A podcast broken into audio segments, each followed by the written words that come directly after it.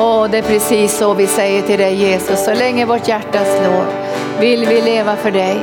Och vi vill ha ett evighetsperspektiv på våra liv. Så vi inte blir fastnaglade i världen. För du har sagt Herre att vi lever i världen men inte av världen. Och vårt uppdrag är i världen. Men vi behöver den övernaturliga smörjelsen och evighetsperspektivet för att kunna vara lösgjorda ifrån jorden, för att kunna tjäna dig i full kraft och i full frihet.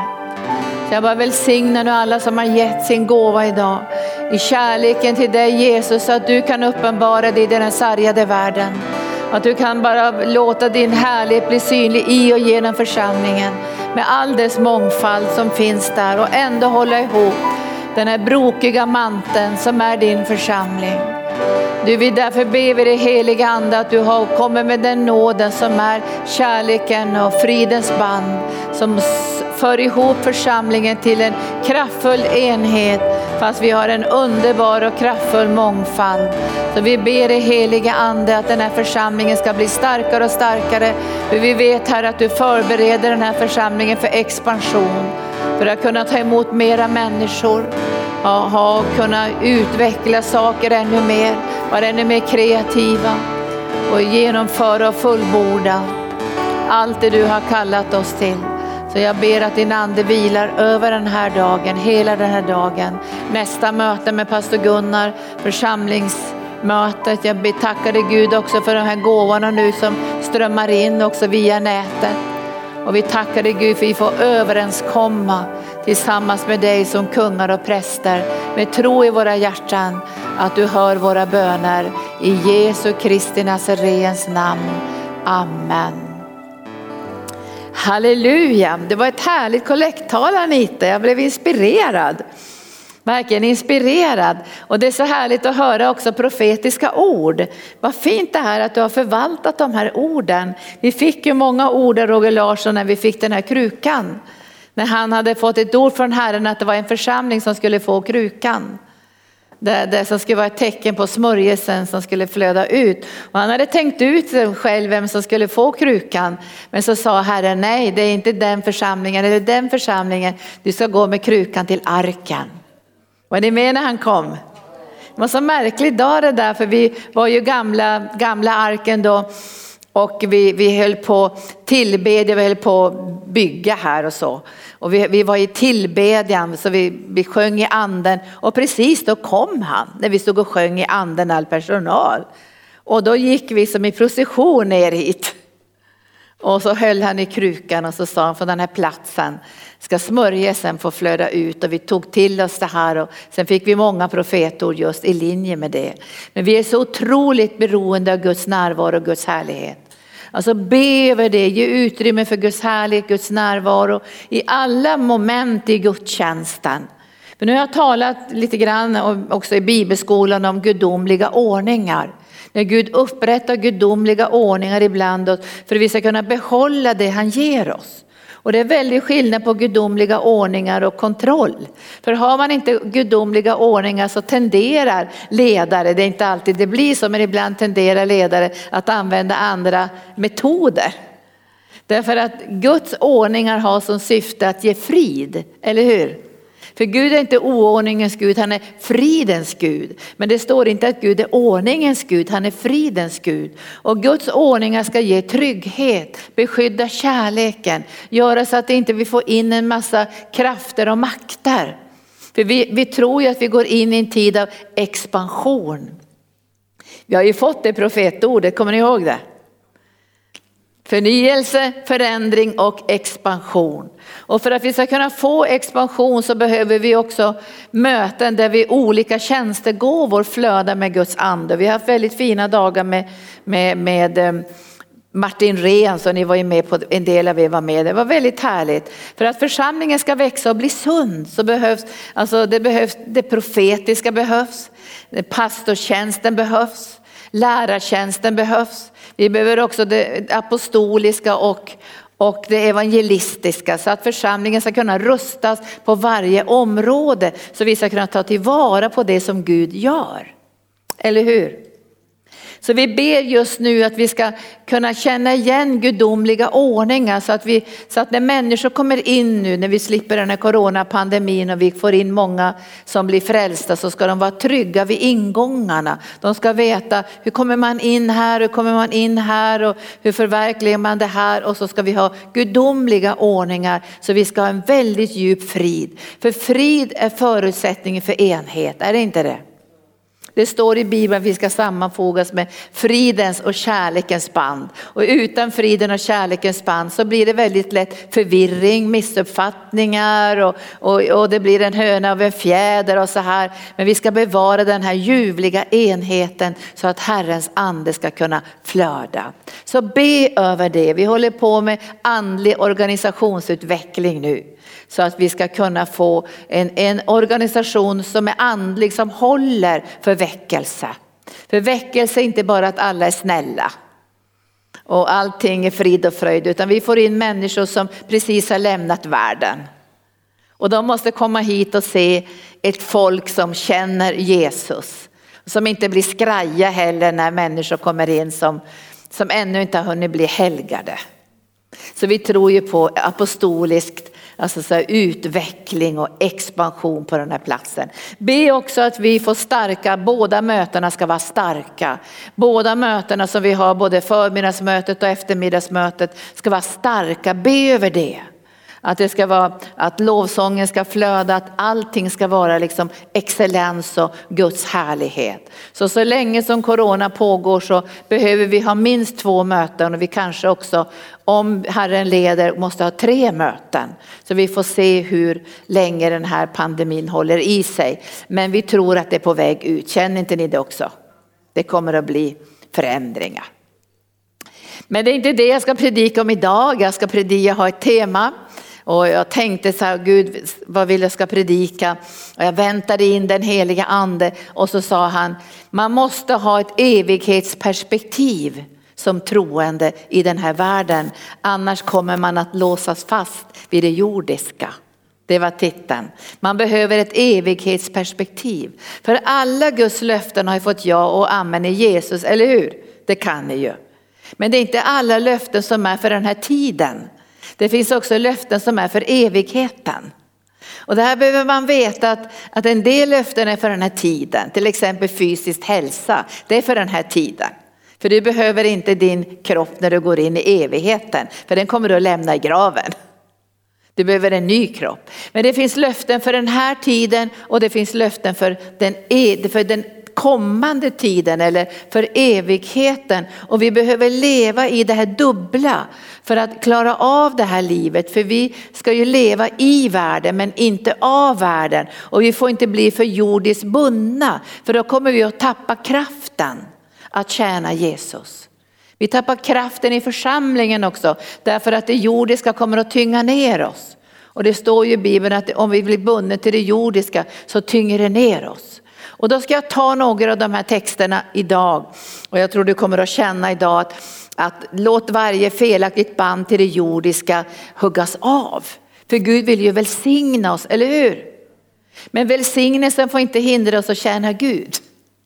Och det är det som är det tragiska ibland, att när Gud övervälsignar oss med olika jordiska saker så blir det en bundenhet istället och en tyngd som gör att vi inte kan springa så snabbt som vi skulle önska att göra Guds vilja i församlingen och genom församlingen och det som Gud har kallat oss till. Och när jag skrev den här boken Inre bönen, hjärtats kärleksbön, så skiljer den sig lite från den första boken, Kärleksrelationen med Jesus. För här tar jag upp de psykiska aspekterna också. Jag har tolv områden som jag har försökt lägga ut då, där, man, där, där mörkrets makter ofta använder stressen. Så det är tolv olika områden som man kan känna igen hur, hur, stressen kommer in i våra liv och hur vi kan på olika sätt avhjälpa det här genom att vi söker oss till den plats där det verkligen finns vila vid Jesu fötter. Och det finns också med en CD-skiva så att den kommer att klistras in här i boken så att de som får den här boken också kan använda CD-skivan i början av det här inre bönen. Sen lägger man ju undan den, men bara lite hjälp i början så man får med både ande, själ och kropp. För mig var inte anden mitt problem med inre bönen utan det var min kropp som var så fruktansvärt orolig och stressad.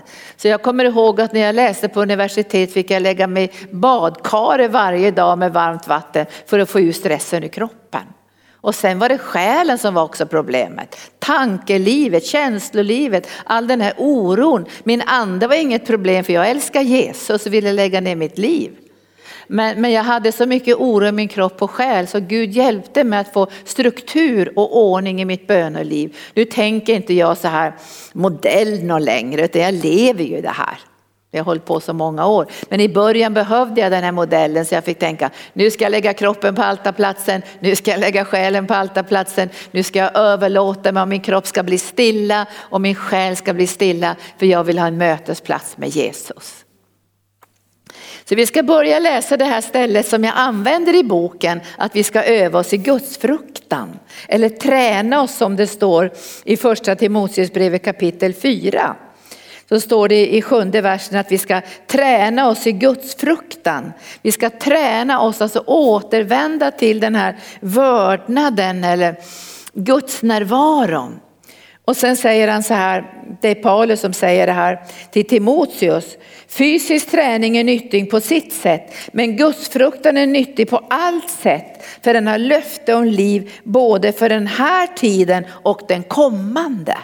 Alltså det finns löften för den här tiden och det finns löften för den kommande tiden. Och det är väldigt viktigt för dig och mig att vi vet om löftena för den kommande tiden så vi får inspiration, eller hur?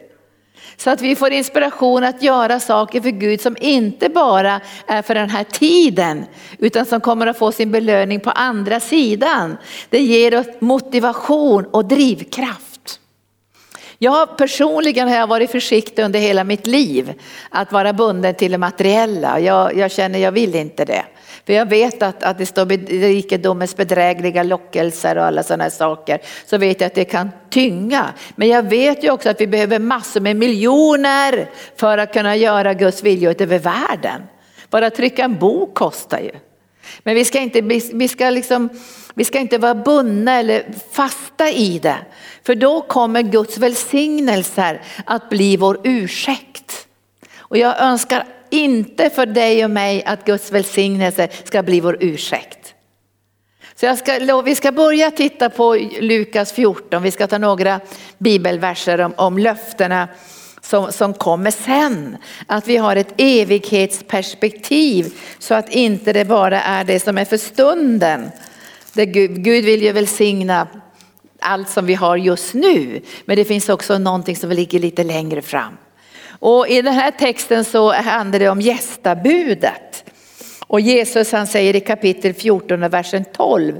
Han sa till dem som hade bjudit honom när du bjuder till lunch eller middag, bjud då inte dina vänner eller syskon eller släktingar eller rika grannar så de bjuder tillbaka och det blir din belöning.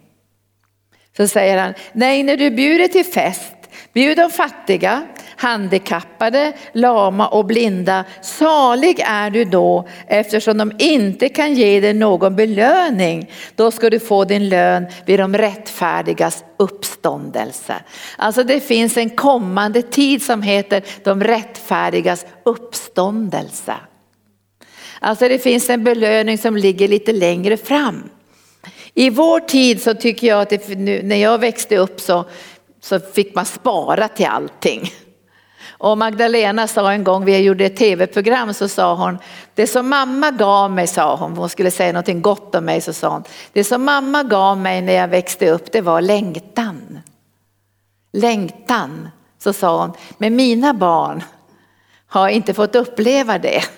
Därför många gånger har de fått vad de har velat ha nästan på en gång. Alltså vi lever i en tid, köp först, betala sen. Du får din belöning på en gång. Men, men längtan betyder att man fick vänta på det, man fick vänta länge på det, man fick spara pengarna till det. Och det fanns en längtan och en fantasi, snart ska jag få köpa de där grejerna. Alltså längtan har i stort sett försvunnit bland människor. Därför att vi får för snabbt belöningen. Och här säger Jesus att det finns en annan tidsålder, ett annat liv längre fram som gör att du och jag kan lägga undan den här omedelbara belöningen. För att det är mycket härligt att bjuda de rika vännerna, de som kan bjuda igen och de som kan ge dig belöning med att bjuda de fattiga, de handikappade, de psykiskt sjuka som inte kan ge dig någonting tillbaka. De måste ha ett evighetsperspektiv för att gå in i den tjänsten. Och en stor del i den tjänsten är arkens tjänst. Det är därför vi har 40 bönerum. Det är därför vi gör det här, därför att Jesus har gett det som en kallelse in i arkens tjänst och arbete. Och de blir ju väldigt imponerade när de lyssnar på det här, när Jesus säger det här och säger, ja det här är helt fantastiskt säger de. Men då säger Jesus, nu ska ni få en liknelse här. Det blev en festmåltid men när festen var inne så skickade han tjänare att inbjuda människor. Men då kom de med ursäkter. Och jag har tänkt på det här mycket genom åren. Gode Gud, låt aldrig välsignelserna du ger oss bli till ursäkter.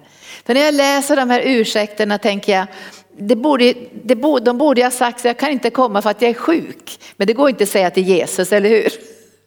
För då blir man ju helad och säger kom du blir helad. Så det går inte att ha den ursäkten, jag kan inte komma för jag är sjuk. För han är i platsen för helande. Men här ser vi att välsignelserna, det här jordiska, fick en sån makt i de här människornas liv så de började ursäkta sig och säga ta emot vår ursäkt för vi har faktiskt andra saker som just nu är viktigare än att komma på den fest som du har bjudit oss till. Och då kommer ju sådana här, så att säga, riktigt jag tror Jesus han, han, tog inte emot de här ursäkterna men det här är ju välsignelser.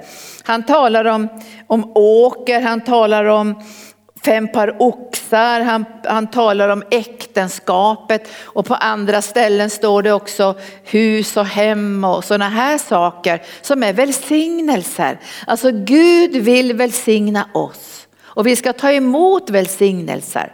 Jag hade en, en, en kompis när jag bodde i Göteborg som var nunna. Och hon hade börjat ge, vi hade undervisat henne att hon skulle bli en givare för hon hade inte så mycket att ge. De hade ju lovat fattigdom och så här. Men så började det komma in välsignelse till henne så hon fick prylar. Så hon sa så men jag vill inte ha några prylar sa hon för jag har ju lovat fattigdom. Och då sa vi till henne, Gud kommer att välsigna dig för att du ska bli en kanal in i andra människors liv. Och så gick det ett år och det bara flödade in i hennes liv. Och jag tänkte, det spelar ingen roll om du har lovat fattigdom, för Gud kommer ändå välsigna dig, halleluja. Vad säger ni om det? För Gud vill välsigna. Och jag har tänkt mycket på det här att vi ska inte, nu vill jag bara vara fattig, Gud får inte välsigna mig. Gud behöver välsigna dig för att kunna välsigna församlingen. Så därför ska du ta emot den här välsignelsen. Men låt aldrig den bli en tyngd som hindrar dig att börja leva för det, så den kommande tiden också. För det här är utmaningar i våra liv. För det finns löften om en annan tid. Och när jag läste igår bergspredikan så, så fanns, finns ju saligprisningarna där. Men en av saligprisningarna handlar om att ärva jorden. Det är, inte, det är inte den här tiden, det måste vara längre fram. Saliga är de ödmjuka för de ska ärva jorden. Och då kommer du och jag motiveras till ödmjukhet. Därför det finns någonting som kommer sen. Vi lever inte bara för stunden, vi väljer ödmjukhet därför att vi ska vara bland de som ärver jorden. Det står till och med att vi ska döma änglar. Och sen står det så här i den sista eh, saligprisningarna. Salig är de man förtalar dig, säger onda saker om dig, ljuger om dig, drar ditt namn i smutsen. Fröjda dig då, står det. Det är ju inte lätt att göra, eller vad säger ni? Det är inte så man hoppar upp av fröjd, men så står det i evighetsperspektivet, för din lön kommer att bli stor i den eviga världen. Och det här motiverar dig och mig att klara av prövningar och utmaningar och attacker. Därför vi har ett evighetsperspektiv. Vi lever inte bara för att de ska gilla oss för stunden. Vi har inte det, vi har inte det målet att åh, nu ska alla gilla oss och nu ska vi bli godkända av alla och nu ska vi bli omtyckta. Vi har inte det målet. Vi har målet att ära Jesus, eller hur? Och vi kan bara hoppa upp av fröjd om vi börjar titta på evighetsperspektivet. Vi klarar av de här utmaningarna när vi har ett evighetsperspektiv på våra liv. Och jag tror att det här är väldigt viktigt för den unga generationen att få ett evighetsperspektiv. Att inte leva bara för stunden och för det här jordiska utan kunna lägga ner sina liv och ändå ta emot välsignelse men inte vara bunden av det utan låta det bli en kanal som vi kan välsigna människor människor ut över hela jorden. Ett evighetsperspektiv. Du vet Moses hade ett evighetsperspektiv. Han hade blivit så otroligt välsignad när han var, vad ska jag säga, blivit barn hos farao. Ni vet ju hela den historien. Men, men han säger så här, jag lider hellre med Guds folk. Jag lider hellre med Guds folk och den skam som kommer av att lida med Guds folk för att jag har liksom sett den osynlige och jag har min blick på lönen. Evighetsperspektiv. Och i många livssituationer så måste vi ha det här evighetsperspektivet. Vi lever inte bara för det här jordiska. Allt det kommer att försvinna. Men de här välsignelserna som Gud vill ge oss, de fyller ändå inte våra hjärtan. Det kan ändå inte mätta vårt innersta, eller hur?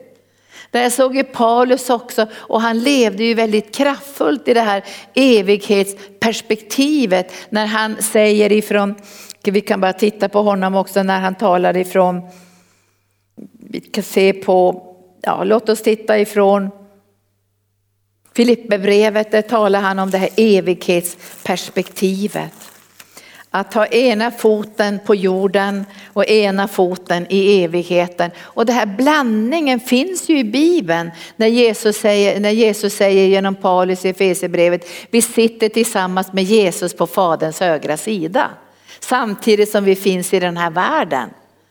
Så att, och då säger Paulus här, ni ska leva som ni ingenting ägde. Fast ni äger allt ska ni leva som ni ingenting ägde. Därför vi får inte bli tyngda av Guds välsignelse. Jag vet inte varför jag fick det från Herren den här morgonen. Han sa, låt dig inte bli tyngd av mina välsignelser. För Gud kommer att välsigna oss.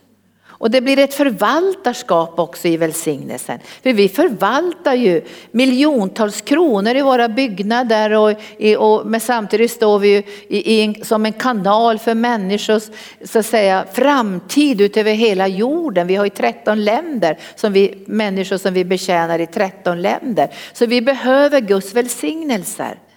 Men vi får, vi får, inte låta det bli en tyngd. Så fort det blir en tyngd så måste vi göra oss av med det. Jag kommer ihåg förr i världen så var det två personer som fick missionskallelsen till ett särskilt land. Och det var så starkt den här missionskallelsen. Men så hade de ett hus som låg väldigt vackert till. Det låg otroligt snyggt till det där huset. Och det här blev som en boja det här huset. För, för de, de, de, de ville liksom inte sälja det här huset riktigt heller, för de älskade det här huset. Men det blev en boja för dem. De kom aldrig ut på missionsfältet på grund av det där huset. Och jag kommer ihåg, jag menar inte vad jag sa egentligen, men jag till sist sa så här, bränn upp huset. Men det menar jag inte riktigt. Men de skulle ju sälja det där huset till sist då. Men då sa vi, så vi renoverade det huset innan vi säljer. Så de renoverade det stackars huset för flera hundratusen kronor och det blev ju så supervackert. Och sen fick de sälja det till sist. Vet du vad de gjorde de som köpte det? Det var kommunen. De rev ner allting, jämnade det med marken. Men de kom aldrig ut på missionsfältet. Varför säger jag det här idag? Därför att Guds välsignelse ska inte tynga ner oss och hindra oss att säga ja till Gud. Det är någonting som Herren säger idag som har med evighetsperspektivet att göra. Tappar vi det så tappar vi drivkraften. Alltså vi tappar den drivkraften som Jesus hade när han säger att jag, jag, jag, lever inte för den här kortsiktiga glädjen. Jag lever för en annan glädje som kommer längre fram. Där Gud skulle upphöja honom och ge honom namnet över alla andra namn evighetsperspektivet. Och jag, jag, vill, jag ska läsa det här, vi ska titta i Filipperbrevet när, när, um, när Paulus uttrycker det här så starkt i kapitel 3, versen 7. Evighetsperspektivet. Den unga generationen måste ha evighetsperspektivet. För annars kommer det här jordiska att, att kväva möjligheten att tjäna Gud.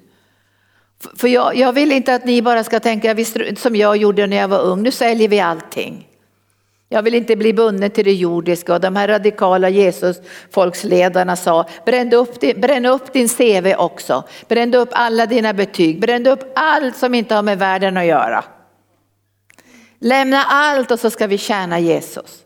Det gick ju bra när jag kunde be om ett äpple om dagen eller en, vi fick ju be om mat varje dag. Men om Herren ska kalla oss att bygga någonting, bevara någonting, befästa någonting, beskydda det som Gud gör ibland oss, då behöver vi kunna ta emot välsignelser. Gillar ni det här? För ni behöver inte gå och ha ett klosterliv på insidan. För, för vi satt ju och, och tänkte så här, två par strumpor är nog för mycket, vi får nog bara behålla ett. Så det var våra diskussionsämnen. Så tack gode Gud att jag släppte det där. Till sist så, det gick ju inte, jag menar Herren började tala till mig, du ska ge mig hundra hus, så hade jag ju ingenting att ge mer än mig själv. Men det var ju inte dåligt det heller. Men, men Gud måste kunna välsigna oss och jag vet inte varför jag känner det här att, att, att välsignelsen kommer att stjäla livet ifrån dig. Alltså vi säger så här, du har ett företag och så börjar Gud välsigna dig, du får massor med kunder. Det är väl underbart? Massor med kunder. Och du får offerter och du börjar tjäna pengar och allt där och det expanderar. Men tänk om det tar ifrån dig det som du ska göra för Jesus. Då måste du komma fram till en punkt och säga nej det här accepterar inte jag. Här sätter vi stopp. Här handlar det inte om att tjäna bara en massa pengar, här ska vi tjäna Jesus. Så det här arbetet ska inte stjäla ifrån mig det som jag ska göra för Jesus. Det här är så jätte, jätteviktigt. För då är det nästan bättre att vi bara blir någon slags franciskanerorden här som går med bruna kläder. Och, och tänker Gud ska ge oss vad vi behöver dag för dag. Men det är, inte, det är inte det som Gud vill i den här yttersta tiden. Han vill föra hedningarnas pengar till Guds församling. Han vill välsigna oss rikligen på våra arbetsplatser. Men det får inte göra att du och jag tappar fokus på varför vi är här på jorden. Vi ska tjäna Jesus. Och är det någonting som börjar ta alltså din kraft, din energi, allting ifrån dig, släpp det då för allt i världen. Bränn inte upp ditt hus som jag gav det här rådet på skoj till de här människorna. Men jag tänkte de kommer aldrig ut. De kommer aldrig komma ut. Därför det här har blivit en sån tyngd i deras liv. Att det kommer att hålla dem fastcementerade i den här världen. Nu är ju Gud nådefull och barmhärtig och så. Men man kan ändå känna att det är tråkigt att Guds välsignelse ska bli våra ursäkter. Det här ska vi bedja över, för vi håller på att förbereda församling för expansion. Och vi ska kunna ta emot mer resurser, mera människor som kan tjäna inom olika områden och vi kommer att bli välsignade. Men vi måste veta, här går gränserna. Det här, nu, nu ska inte det här som finns runt mitt liv i det här jordiska uppta den dyrbara tiden som jag vill ge till Jesus. Och nu, nu ska vi läsa vad Paulus säger. Paulus han var ju en, en, kom från en rik familj. Paulus hade den bästa utbildningen. Han var påläggskalv om ni vet vad det betyder. I, I de här lagiska kretsarna då han liksom var tänkt för framtiden att han skulle bli en stark ledare. Och sen säger han så här i sjunde versen. Men allt det som förr var en vinst för mig räknar jag nu som förlust för Kristi skull. Ja, jag räknar allt som förlust för jag har funnit det som är långt mer värt. Kunskapen om Jesus Kristus som min Herre. För hans skull har jag förlorat allt och räknar det som skräp för att vinna Kristus och bli funnen i honom, inte med min egen rättfärdighet, den som kommer av lagen, utan med den som kommer genom tron på Kristus, rättfärdigheten från Gud genom tron. Då får jag lära känna Kristus och kraften i hans uppståndelse och dela hans lidanden genom att bli lik honom i hans död i hoppet om att nå fram till uppståndelsen ifrån de döda, evighetsperspektivet. Alltså det sätter saker på rätt plats. Det gör inte att vi blir bundna i saker på ett felaktigt sätt heller, för vi lever för evigheten. Och vi ska så mycket, mycket, mycket som det går kunna tjäna Gud och förvalta det han har gett oss här med enhet och härlighet och expansion och församlingstillväxt. Och vi kommer att bli mycket, mycket välsignade men det ska inte ta vår tid, det ska inte ta vår kraft och det ska inte bli vår ursäkt.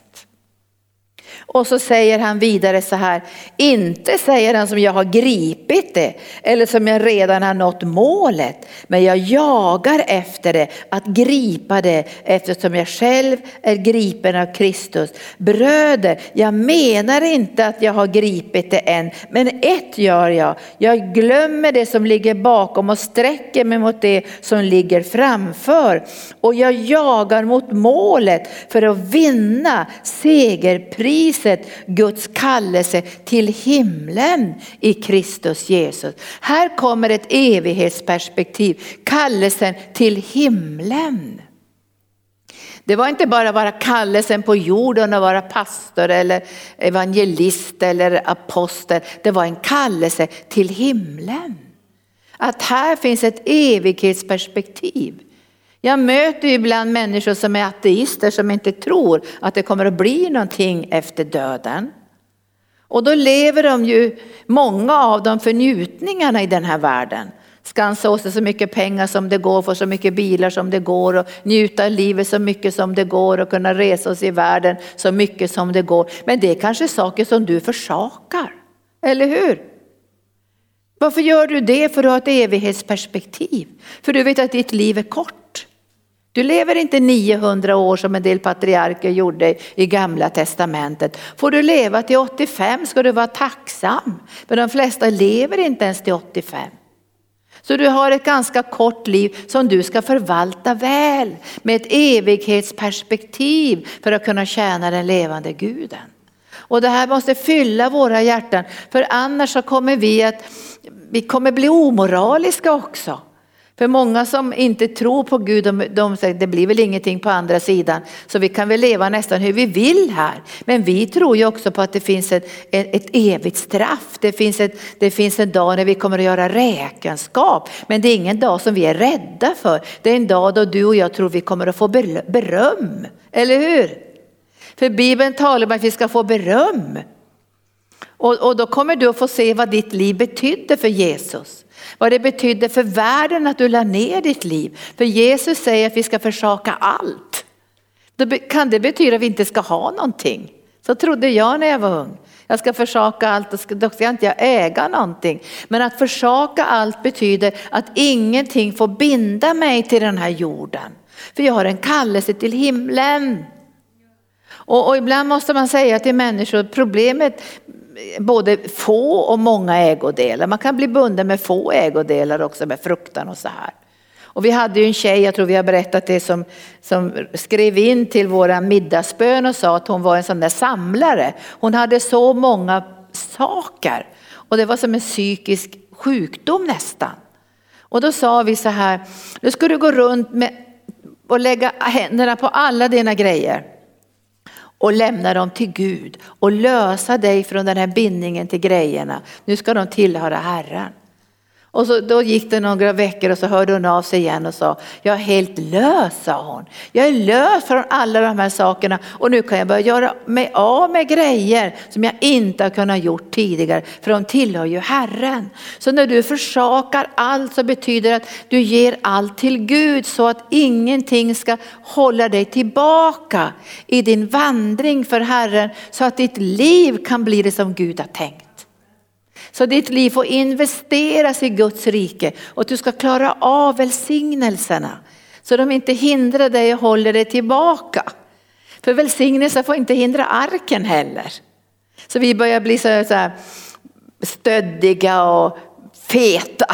Så vi säger som den här församlingen i Uppenbarelseboken, nu har vi allt, vi behöver ingenting. Vi har blivit så rika, vi har blivit så berömda, vi har så mycket. Det, det, det går inte det heller att säga Jesus just nu är ni nakna och fattiga och äger ingenting. Därför även om Gud börjar välsigna oss så måste vi bevara ödmjukheten, evighetsperspektivet och överlåtelsen så ingenting får tränga in i våra hjärtan. Och Jesus säger ju, det är han som säger det.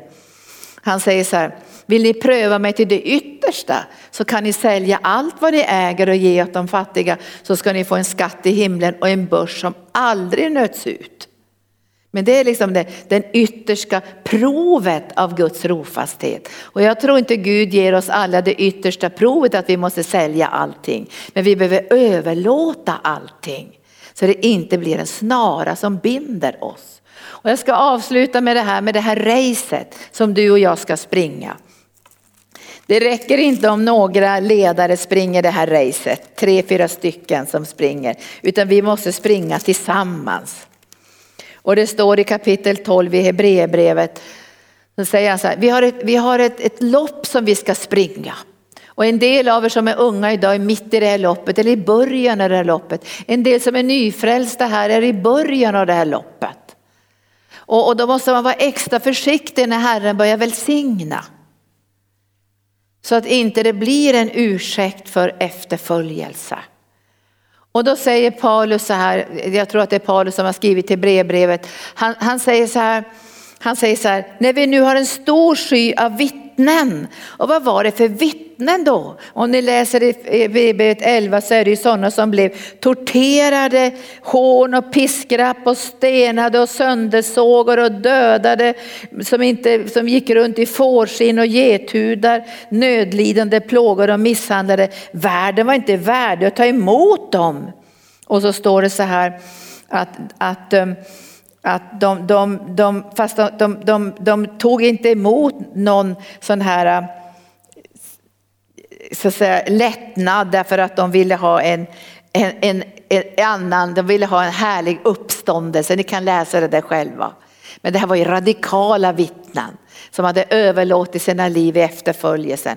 Men här kan vi se, när vi har en sån stor sky av vittnen, låt oss lägga bort allt som tynger och sen säger han särskilt synden. Men välsignelsen är inte synd. Välsignelserna kan vara det som tynger. Som tar vår kraft.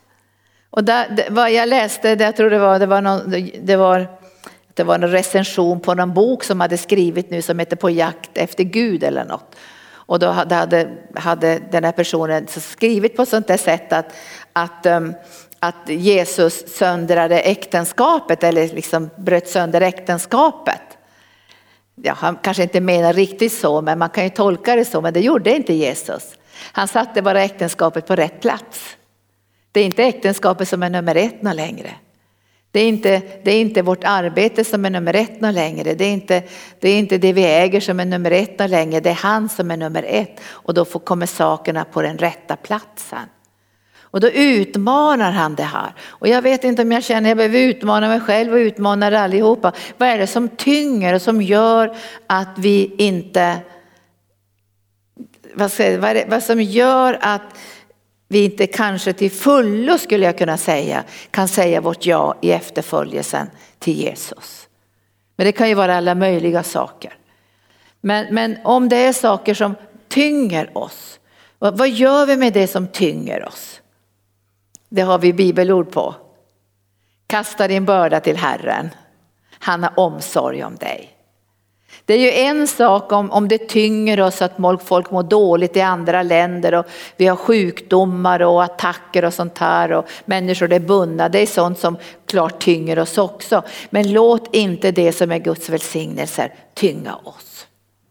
Utan låt de välsignelserna finnas där och stärka oss i vår tjänst för Gud. Och då, och då säger han så här,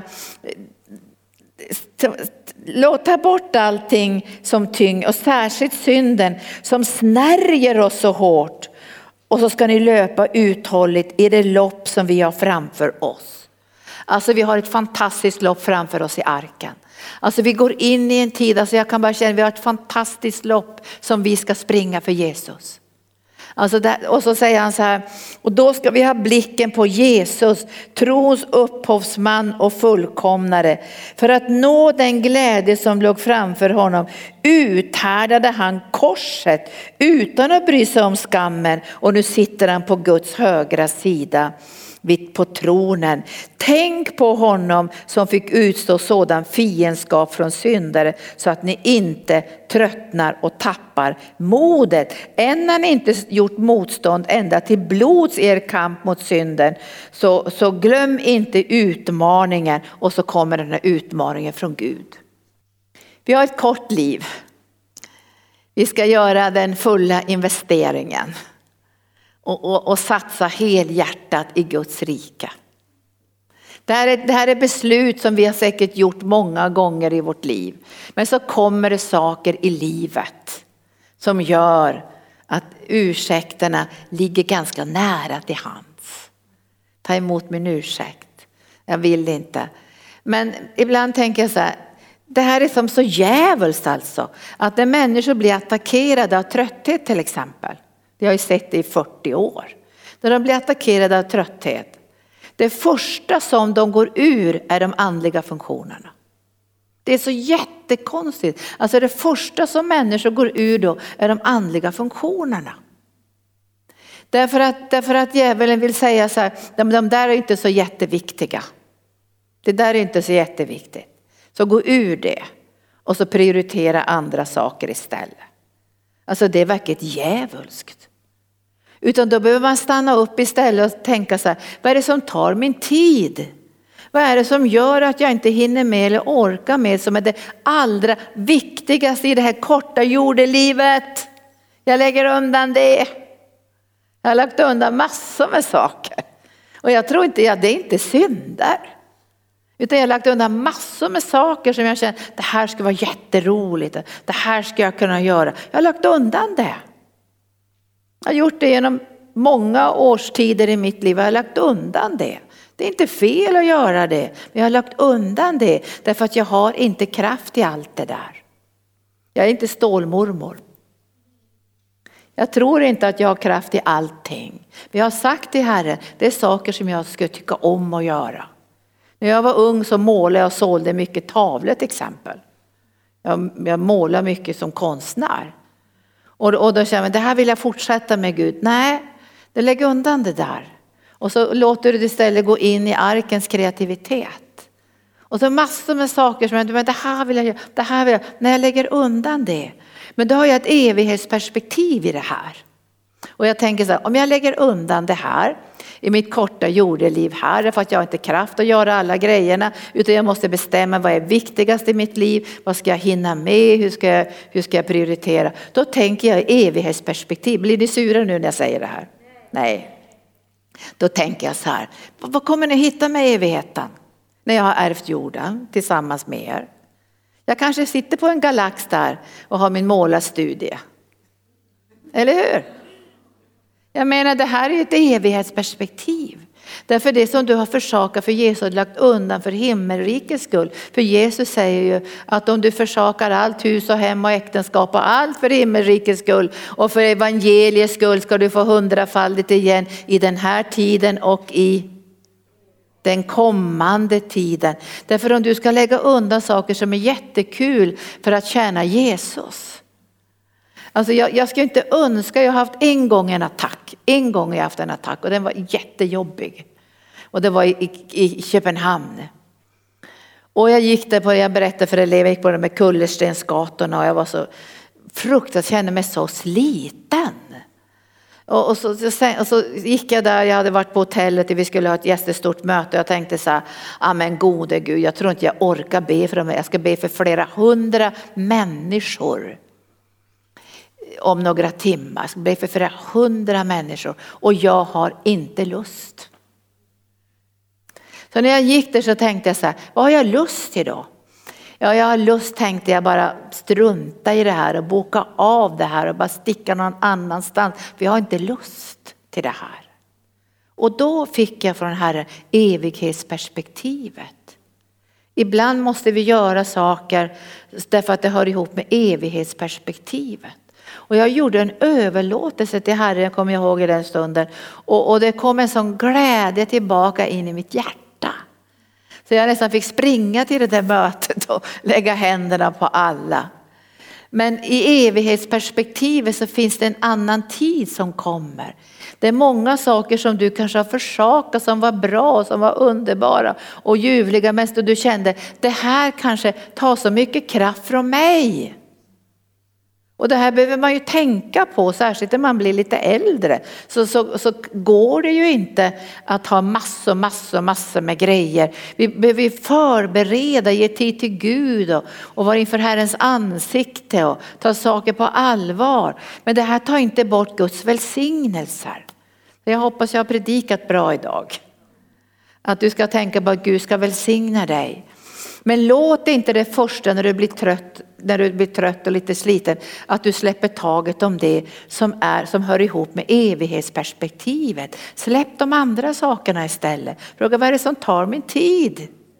Vad är det som upptar mina tankar? Vad är det som gör att jag inte hinner med det som jag ska göra? Och vi har alltid sagt till våra barn så här att julen tillhör Herren.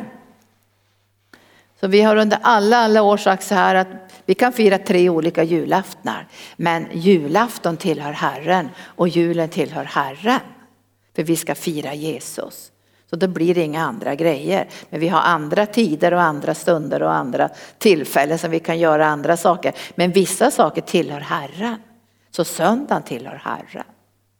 Det tillhör Herren. Det kan göra, vi kan göra roliga saker på söndag som inte är gudstjänst, men det lägger vi undan för Herrens skull. Så låt det här få bli någonting som rör våra hjärtan för expansionen i arken, för det som ska utföras. För vi kommer att få sådana underbara kreativa, apostoliska löften från Gud. Där Gud kommer att fråga, vill ni förvalta det här? Vill ni ta emot mer av det här? Vill, vill ni gensvara till det här? Och då vill, vill inte, jag vill inte ursäkta mig i alla fall. Jag hoppas att ingen här ska ursäkta sig och säga, nej men det här går inte Gud, vi får nog ta emot vår ursäkt nu, vi är nog helt upptagna med andra saker. Utan låt oss börja skala av lite grann. Nu säger jag inte att vi ska skala av så där finns vi ska ha någonting. För har du jättemånga saker, du behöver inte gå och sälja dem eller ge dem till second hand-affären. Utan lösgör dig från dem i anden. Så att de inte blir en tyngd utan att de får bli en välsignelse. Tack Jesus. Så nu lyfter jag församlingen arken inför dig. Och allt det underbara som ska ske genom församlingens medlemmar och genom den här den här visionen som du har gett till den här platsen. Och jag ber att hela församlingen, varenda medlem ska känna att de har krafter att tjäna dig och glädje att tjäna dig därför de har ett evighetsperspektiv och de har blicken på lönen. De har blicken på välsignelsen. De har blicken på att de ska få ärva jorden. De har blicken på evighetens välsignelser. När du plockar fram dem en och en och säger det blir frukt av din försakelse. Det blir frukt när du la ner ditt liv. Det blir frukt när du prioriterade mitt rike. De här tusentals människor blev frälsta tack vare ditt ja. Och jag ber dig heliga ande att du ska visa oss om det är saker som tynger oss och hindrar oss. Så vill vi lägga det åt sidan. Om det finns synd så vill vi absolut lägga det åt sidan för det vill vi inte ha ett ögonblick i våra liv. Men om det är andra saker som tynger och hindrar oss att tjäna så får du bara visa det Gud för jag vet att vi behöver förnyad kraft för att kunna gensvara till expansion. Vi förnyad glädje för att kunna be för hundratals människor. Förnyad glädje att vi ska kunna ta emot människor till hela dagar, till återhämtningsveckor, till retriterna, till bibelskolan. Vi behöver kraft för att kunna göra det här, för att upprätthålla både förböns och lovsångstjänsten. Vi behöver kraft för att kunna göra det här, men vi tänker prioritera ditt rike och din rättfärdighet och då vet vi Herre att allt det andra kommer att tillfalla oss. Så kom heliga ande med dundervälsignelse över var och en i den här församlingen. Men de ska vara lösta i sina hjärtan, för hjärtan hjärta tillhör dig allt som vi har i våra hjärtan tillhör dig och vi vill inte vara bundna till något av det här jordiska. Även om vi lever i det jordiska ska vi inte vara tyngda av det jordiska utan vi ska bära din vision i våra hjärtan och uppdraget att vara villiga att lägga ner våra liv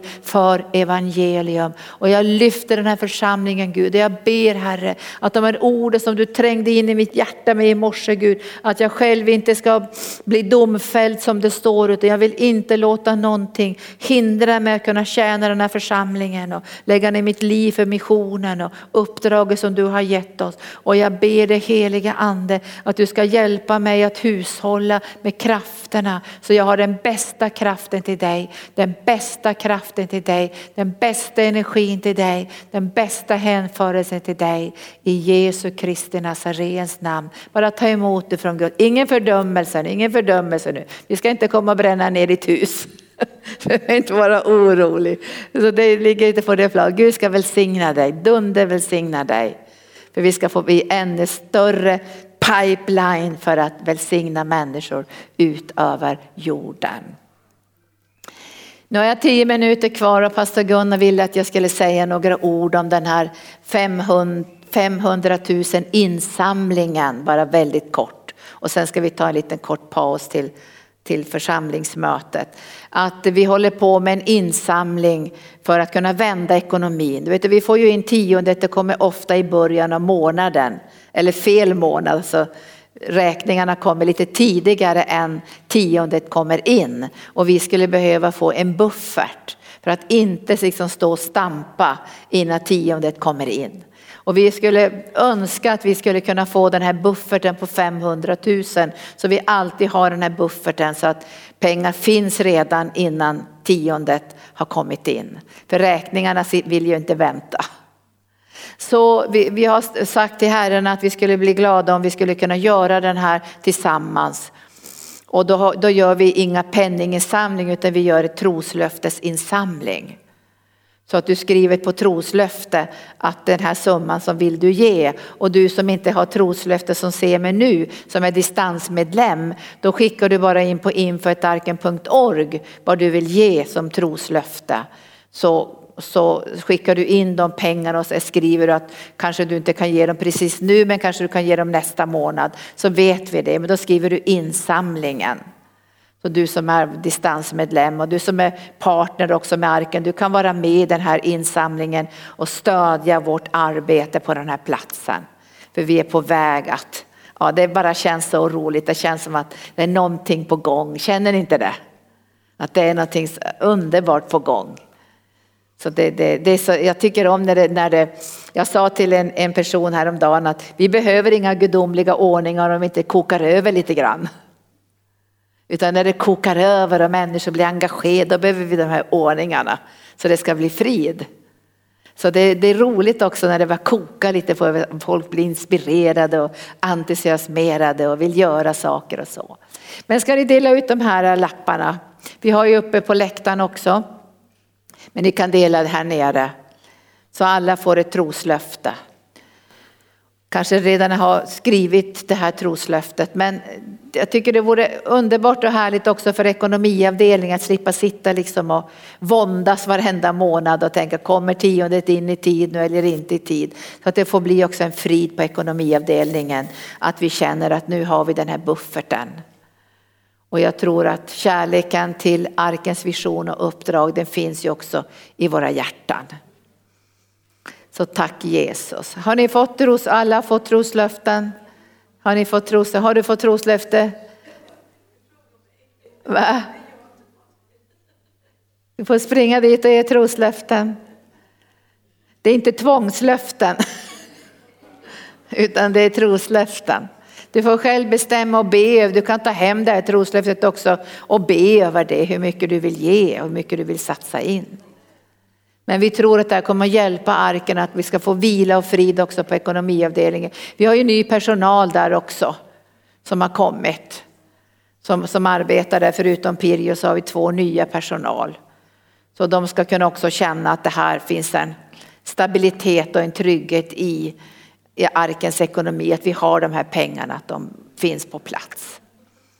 Men be över det här andra nu att eh, låt inte välsignelserna tyng, tynga dig. Utan låt välsignelserna flöda igenom dig så att vi kan ha kraft att tjäna Herren. Nu är jag ju kring 70 år och jag känner ju att eh, det är ännu mer i mitt liv att jag känner att jag ska tjäna Gud med all min kraft. Men det här började med när jag var ung, jag kände att jag vill prioritera Herren. Och jag berättade för eleverna att när jag började min tjänst så var jag både sjuk och svag. Fysiska sjukdomar och mycket svaghet i mitt, i mitt själsliv.